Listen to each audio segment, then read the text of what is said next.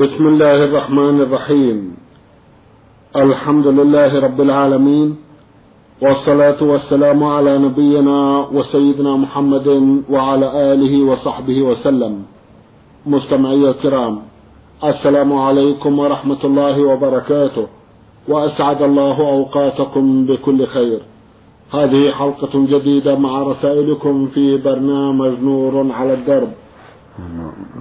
رسائلكم في هذه الحلقة نعرضها على سماحة الشيخ عبد العزيز ابن عبد الله بن باز الرئيس العام لإدارات البحوث العلمية والإفتاء والدعوة والإرشاد. مع مطلع هذه الحلقة نرحب بسماحة الشيخ ونشكر له تفضله بإجابة سادة المستمعين فأهلا وسهلا بالشيخ عبد العزيز. حياكم الله وبارك فيكم. حياكم الله. نعود في بداية هذه الحلقة إلى رسالة الأخت المستمعة فا ميم أمطيري أختنا عرضنا بعض أسئلتها في حلقة مضت وفي هذه الحلقة بقي لها عدد من الأسئلة في أحدها تقول إن لي أخا يبلغ من العمر عشر سنوات يتكلم على أمي ويتلفظ عليها بعبارات غير لائقة لأنها تأمره بالصلاة وطاعة الله. فأنا أضربه ضربا شديدا وأحيانا أضربه لأنه لا يذاكر دروسه أو لأنه يأخذ شيئا دون أن تعلم به أمي. تقول إن لي أخا يبلغ من العمر عشر سنوات يتكلم على أمي ويتلفظ عليها بعبارات غير لائقة لأنها تأمره بالصلاة وطاعة الله. أنا أضربه ضربا شديدا وأحيانا أضربه لأنه لا يذاكر دروسه أو يأخذ شيئا دون أن تعلم به أمي وأحيانا أكويه بالنار. فهل أكون آثمة في فعل هذا؟ جزاكم الله خيرا. بسم الله الرحمن الرحيم. الحمد لله وصلى الله وسلم على رسول الله وعلى آله وأصحابه ومن اهتدى بهداه أما بعد فأنت جزاك الله خيرا. مأجور على اجتهادك وحرصك على صلاحه وعلى تأدبه مع والدته وعلى بره لها ولا حرج عليك في تأديبه وضربه حتى يستقيم وحتى يقوم بما يلزم من جهة والدته. والحاصل أنك مأجورة في ضربه حتى يصلي وحتى يذاكر في دروسه وحتى لا يتكلم على والدته بما لا ينبغي. كل هذا أنت مأجورة عليه. وإذا كان أبوه موجودا فالواجب على أبيه يقوم بهذه المهمة أو أخوه الكبير حتى يتساعد معك في ذلك. وإذا كان أبوه يقوم بالواجب كفى عنك. فالحاصل أن الواجب على أبيه كان موجودا أو أخيه الكبير كان موجودا أن يقوم بذلك. وإن قامت أمه بذلك فلا بأس. وإذا لم تقم به أمه ولم يقم بذلك أحد غيرك فأنت مأجورة على ذلك وجزاك الله خيرا. لكن لا تكوني في النار أما كان بالنار فلا يجوز. وإذا كان يأخذ شيء يسيرا من المال لحاجة الأطفال فلا ينبغي التسامح في هذا. أما الشيء الذي قد يضر الوالدة أو قد يعوده في السرقة فلا مانع من ضربك له ضربا خفيفا. لا تضرب ضربا خطيرا لا في الصلاة ولا في غيرها ضربا خفيفا يؤلمه ويرجعه ولكن ليس في خطر. بارك الله فيك. نعم. جزاكم الله خيرا. تقول انتشرت النميمة والغيبة والقيل والقال بين جميع الناس وبقيت والحالة هذه في البيت. لا أخرج مع الأهل لزيارتهم بل جلست مع إخواني في البيت. فهل أصير قاطعة للرحم؟ أرجو أن تنصحون الذين ينقلون الكلام من شخص تقول انتشرت النميمة والغيبة والقيل والقال بين الناس فبقيت في البيت. لا أخرج مع الأهل لزيارة أحد بل جلست مع إخواني في البيت. فهل أصير قاطعة للرحم؟ أرجو أن تنصحون الذين ينقلون الكلام. من شخص إلى شخص آخر فيصير بينهم مشاكل بسبب نقد الكلام. جزاكم الله خيرا. خروجه مع الوالدة ومع أخواتك الطيبات إلى الجيران أو إلى الأقارب لا حرج له لا حرج فيه. وإذا رأيت شيئا من المنكر أنكريه بالكلام الطيب والأسلوب الحسن. كما قال النبي صلى الله عليه وسلم الدين النصيحة. والله يقول في كتابه الكريم والمؤمنون والمؤمنات بعضهم أولياء بعض يأمر بالمعروف وينهون عن المنكر. وإياك والعزلة والشذوذ إلا عند الضرورة إذا رأيت أن من خرجوا إليه عندهم منكر لا يزيدونه ولا يقبلون منك فلا تخرج معهم. أما سوء الظن وتشديد الأمور من دون منكر ترونه ترينه فلا ينبغي منك بل اخرجي مع الوالدة مع أخواتك الجيران أولياء المريض أو صلة الرحم. ما دام الخروج لا يترتب عليه منكر بالتستر والحجاب والعناية. وما دام دام المزورين ما دام المزورون ليس عندهم منكر. أو عندهم منكر لكن إذا حضرت زال وقبلوا منك النصيحة فأنت على خير عظيم. أما الخروج إلى محل فيه منكر لا يزول ولو بحضوره لا تخرج له ولا تكوني معه فيه. وعليك نفسك ودينك نسأل الله للجميع التوفيق. أما النميمة فهي محرمة ولم يزل العلماء ينصحون عنها الناس ويحذرون الناس فنقول كلام سيء من شخص إلى شخص أو من جماعة إلى جماعة أو من قبيلة إلى قبيلة هذا منكر. هذا يسمى النميمة ولا يجوز والواجب الحذر منه. جزاكم الله خيرا. تقول إنني سمعت أن من صام يوم السبت لا يصح صومه إلا مع صوم يوم قبله أو بعده وإنني صمت يوم السبت قضاء كفارة يمين ولم أصم يوم الأحد لأنني لم أستيقظ من النوم إلا بعد الأذان فهل يجب علي إعادة الصوم؟ بينوا حكم ذلك بارك الله فيكم. الصوم صحيح صوم يوم السبت صحيح ولا مفردا. والحديث اللي فيه النهي عن صوم يوم السبت حديث ضعيف مضطرب عند أهل العلم لا يعتمد عليه. لكن لو صمت السبت مع الأحد أو مع الجمعة كان أفضل. وإلا فالصوم يوم السبت مفردا الصحيح أنه لا حرج فيه وأن الحديث فيه ضعيف لاضطرابه وعدم استقامة أسانيده. ولكن من باب الورع والخروج من الخلاف إذا صام الإنسان يوم السبت يصوم معه الأحد أو الجمعة. نعم. جزاكم الله خيرا. من ليبيا المستمع إسماعيل الأمين عيسى رسالة يسأل فيها عن تفسير بعض الآيات. يقول الحق تبارك وتعالى أعوذ بالله من الشيطان الرجيم. وإن يكذبوك فقد كذبت رسل من قبلك وإلى الله ترجع الأمور. يا أيها الناس إن وعد الله حق فلا تغرنكم الحياة الدنيا ولا يغرنكم بالله الغرور. إن الشيطان لكم عدو فاتخذوه عدوا إنما يدعو حزبه ليكونوا من أصحاب السعير. هذه الآيات واضحة معنى. في الآية الأولى الرب جل وعلا يسلي النبي صلى الله عليه وسلم ويصبره. وحتى لا يجزع من تكذيب قومه له. فقد كذبت أقوام كثيرة لرسلها عليهم الصلاة والسلام. فيقول له وإن يكذبوك كنت رسول من قبلك. يعني لك به لك فيهم أسوة. فلا تجزع عليك بالصبر. ولهذا قال في الآية الأخرى فاصبر كما صبر أولاد الرسل.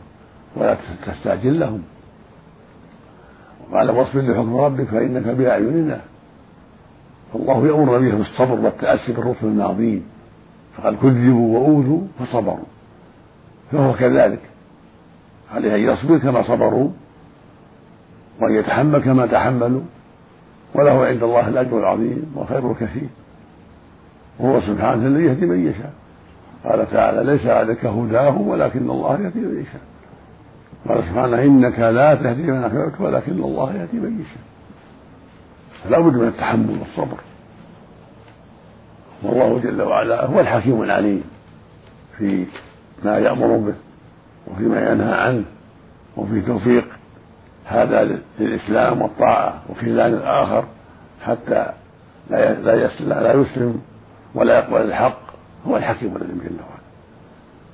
فعلى العبد ان يسأل الله التوفيق وأن يستعين به على الخير وأن يحذر الشر وأسبابه وأن يصبر كما صبر غيره. وهكذا الرسل عليهم الصلاة والسلام عليهم يصبروا وعلى نبينا صلى الله عليه وسلم يصبر كما صبر من قبله. وأما الآية الأخرى ففيها التحذير من الاغتراب بالدنيا والاغتراب بالشيطان وهو الغرور. يعني يجب على المؤمن أن يحذر الدنيا وشهواتها الفاتنة. ولهذا قال جل وعلا يا أيها الناس إن وعد الله حق. وعده لكم بالحساب والجزاء والجنة والنار وقيام الساعة كله حق. لا بد من قيام القيامة. ولا بد من الجزاء على الأعمال. ولا بد من الجنة لأهل الإيمان والتقوى. والنار لأهل الكفر والنفاق. كله حق. ولهذا قال فلا تغرنكم الحياة الدنيا. يعني بزينتها وأموالها وشهواتها ومآكلها ومشاربها وغير ذلك مما فيها. فهي دار الزوال دار الفناء. كما قال تعالى كل ما لا يفان. وما الحياة الدنيا إلا متاع الغرور. فلا يليق بالعاقل المؤمن لا يليق بها أن يغتر بها وزينتها وأهلها وما أعطوا من الدنيا بل يحذر ويستعد للآخرة ويستعين بنعم الله على طاعة الله. ولا يغتر بالشيطان وهو الغرور فإنه يزين للناس يزين للناس الباطل ويغرهم ويدعوهم إلى الركون للدنيا ويدعوهم إلى التكذيب بالآخرة. ويزين لهم هذه العاجلة. وربما زين لهم الإصرار على المعاصي وقال التوبة بعد ذلك إذا لم يجد حيلة في تكذيبهم وإنكارهم للآخرة زين لهم أنهم يتساهلون بالمعاصي وقال في إمكانكم التوبة بعد ذلك والله غفور رحيم ونحو هذا مما يغرهم به. فالواجب الحذر من طاعة الغرور الشيطان والحذر من المعاصي كلها والبدار بالتوبة عند وجود المعصية. ولهذا قال بعد إن الشيطان لكم عدو فاتخذوه عدوا. يعني عدوه معاملة الأعداء هو عدو مبين. ثم قال سبحانه إنما يدعو حزبه يعني أتباعه ليكونوا من أصحاب السعير. هذه مهمته وهذه دعوته. وهذا سبيله الدعوة إلى النار. فالواجب على العاقل أن يحذر هذا العدو المبين وألا يطيعه فيما يدعو إليه من الباطل وأن يحذر وساوسه وما يزينه من المعاصي لعله ينجو. جزاكم الله خيرا. المستمع أحمد سليم مسلم مقيم بدولة الأمارات العربية المتحدة بعث برسالة يسأل فيها عن الحركة في الصلاة. يقول إن هناك أناس يقولون إن الحركة في الصلاة تبطلها. وجهونا جزاكم الله خيرا. العبث في الصلاة لا يجوز إذا كثر. أما الشيء اليسير فيعفى عنه الشيء اليسير عرفا يعفى عنه. ولكن إذا كثر وتوالى أبطل الصلاة. فالواجب على المؤمن في صلاته والمؤمنة الحرص على أسباب سلامتها والحذر من أسباب بطلانها. والشيء اليسير يعفى عنه مثل كونه عدل ثوبه أو إمامته أو مسح التراب أمام وجهه عند السجود مرة أو مرتين لا يضر صلاته. لكن الأفضل مرة واحدة لقوله صلى الله عليه وسلم في في مثل هذا مرة أو دعا فالمقصود أن المؤمن يحرص على الخشوع والإقبال على صلاته والحضور فيها بقلبه وترك العبث والحركة. غاية الحرص قال تعالى قال الله سبحانه قد أفلح المؤمنون الذين هم في صلاتهم خاشعون. لكن إذا عبث يسيرا لا يضر صلاته. حركة بأن أخذ شيئا أو طرحه أو حك رأسه قليلا أو ما أشبه ذلك من الأشياء التي يفعلها الإنسان بعض الأحيان لا تضر صلاته. لكن إذا كثر العبث وتوالت الحركات عرفا بطلت الصلاة فينبغي الحذر. نعم. جزاكم الله خيرا من المستمع. عين حا عين من الخرج رسالة ضمنها سؤالين. في سؤاله الأول يقول من المعلوم أن خطبتي صلاة الجمعة تكون قبل الصلاة. أما الخطب في صلاة العيدين والاستسقاء فإنها تكون بعد الصلاة. ومن المعلوم أن معظم الناس هداهم الله يبادرون بالخروج من صلاة العيدين وصلاة الاستسقاء قبل شروع الخطيب بإلقاء الخطبة. فما حكم الإسلام في تقديم الخطب قبل صلاة العيدين وصلاة الاستسقاء حتى يتمكن المسلمون من الاستفادة من الخطب؟ لا سيما وأن صلاة العيدين وصلاة الاستسقاء سنة مؤكدة.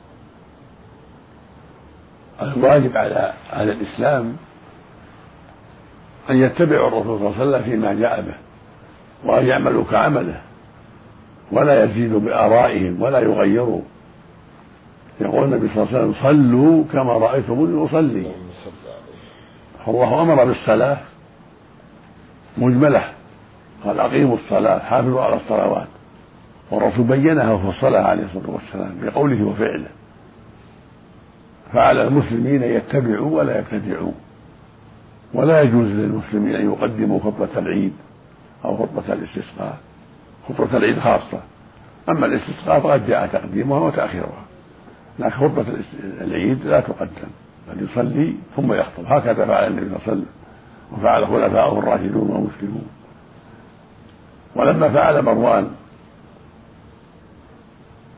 ما يخالف السنة من تقديم الخطبة في العيد أنكر عليه أبو سعيد الخدري فالحاصل أن الواجب على المسلمين أن يصلوا كما صلى عليه الصلاة والسلام.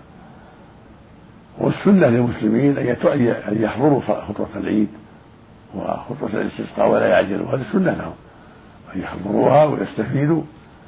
ولكن خروج من خرج منهم لا يجوز تقديم الخطبة على الصلاة بل تبقى على حالها كما فعلها النبي صلى الله عليه وسلم. يصلي العيد ثم يخطب أما الجمعة فخطبتها قبلها وأما الاستسقاء فقد جاء هذا وهذا.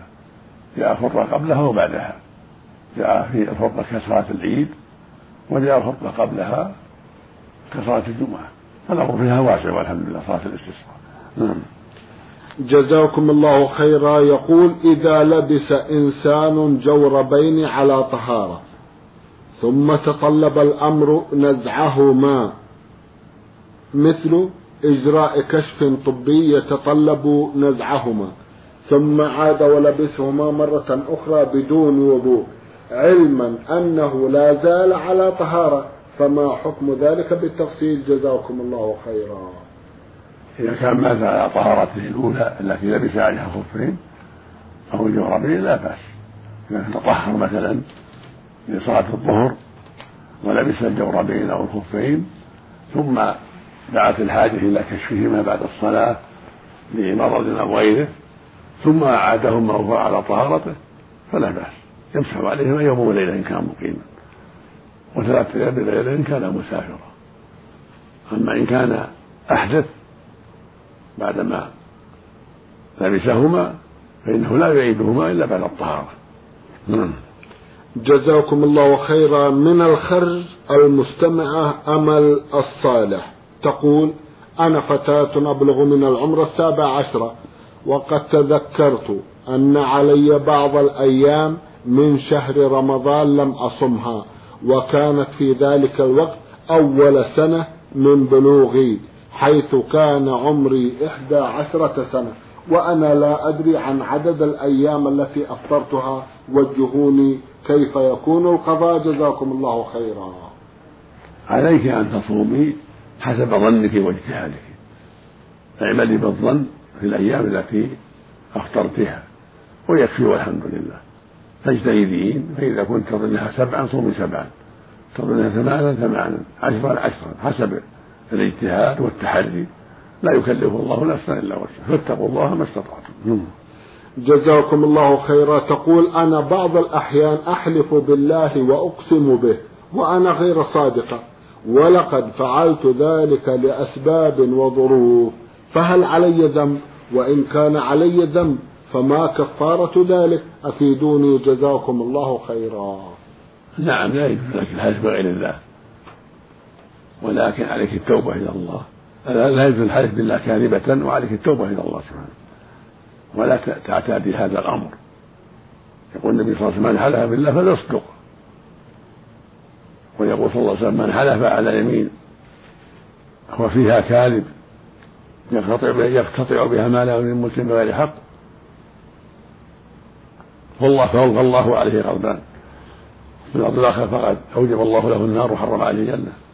فالمقصود أن اليمين بالكذب لا تجوز بل يجب الصدق في الأيمان في جميع الأحيان. وإذا حلف الإنسان على يمين ليأخذ بها مال من مسلم هذا من أعظم الكبائر. وفي الحديث لقي الله وعليه غضبان. اللفظ الآخر فقد أوجب الله له النار وحرم عليه الجنة. هذا وعيد عظيم. وهكذا الإيمان في غير اقتطاع المال.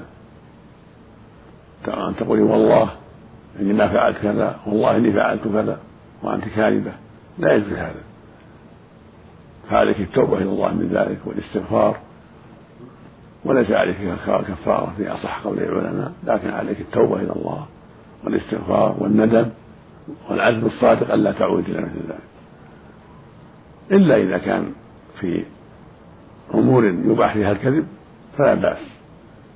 كالإصلاح بين الناس